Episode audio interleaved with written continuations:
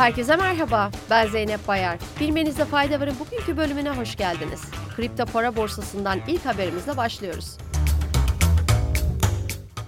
Bitcoin'e en fazla yatırım yapan şirket olarak tanınan MicroStrateji ilk defa Bitcoin sattığını açıkladı.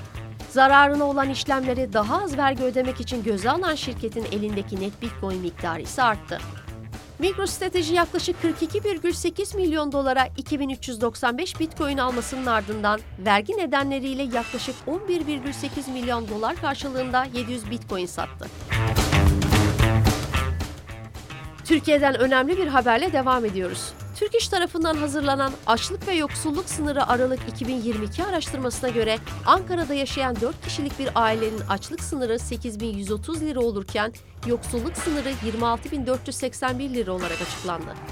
Bekar bir çalışanın yaşama maliyeti ise aylık 10612 lira olarak kaydedildi. ABD'nin büyük bir kesimini etkisi altına alan kar fırtınası 100 milyondan fazla insanın hayatını olumsuz etkiledi. Yetkililer 65 kişinin hayatını kaybettiği kar fırtınasına ilişkin vatandaşlara uyarıda bulundu. Kar fırtınasında can kaybının artmasından endişe edilirken ABD Başkanı Joe Biden'ın sıcaklığın yüksek olduğu Karayiplere tatile gitmesi ise ülkede gündem oluşturdu.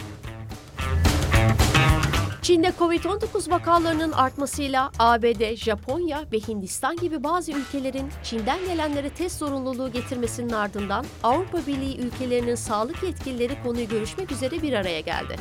Buna göre Avrupa Birliği diğer ülkelerin aksine Çin'den AB ülkelerine seyahat edenlere test zorunluluğu kararı almadı. Bilmenize fayda varın bugünkü bölümünün sonuna geldik. 2023 yılının tüm dünyaya barış ve mutluluk getirmesi dileğiyle. Hoşçakalın.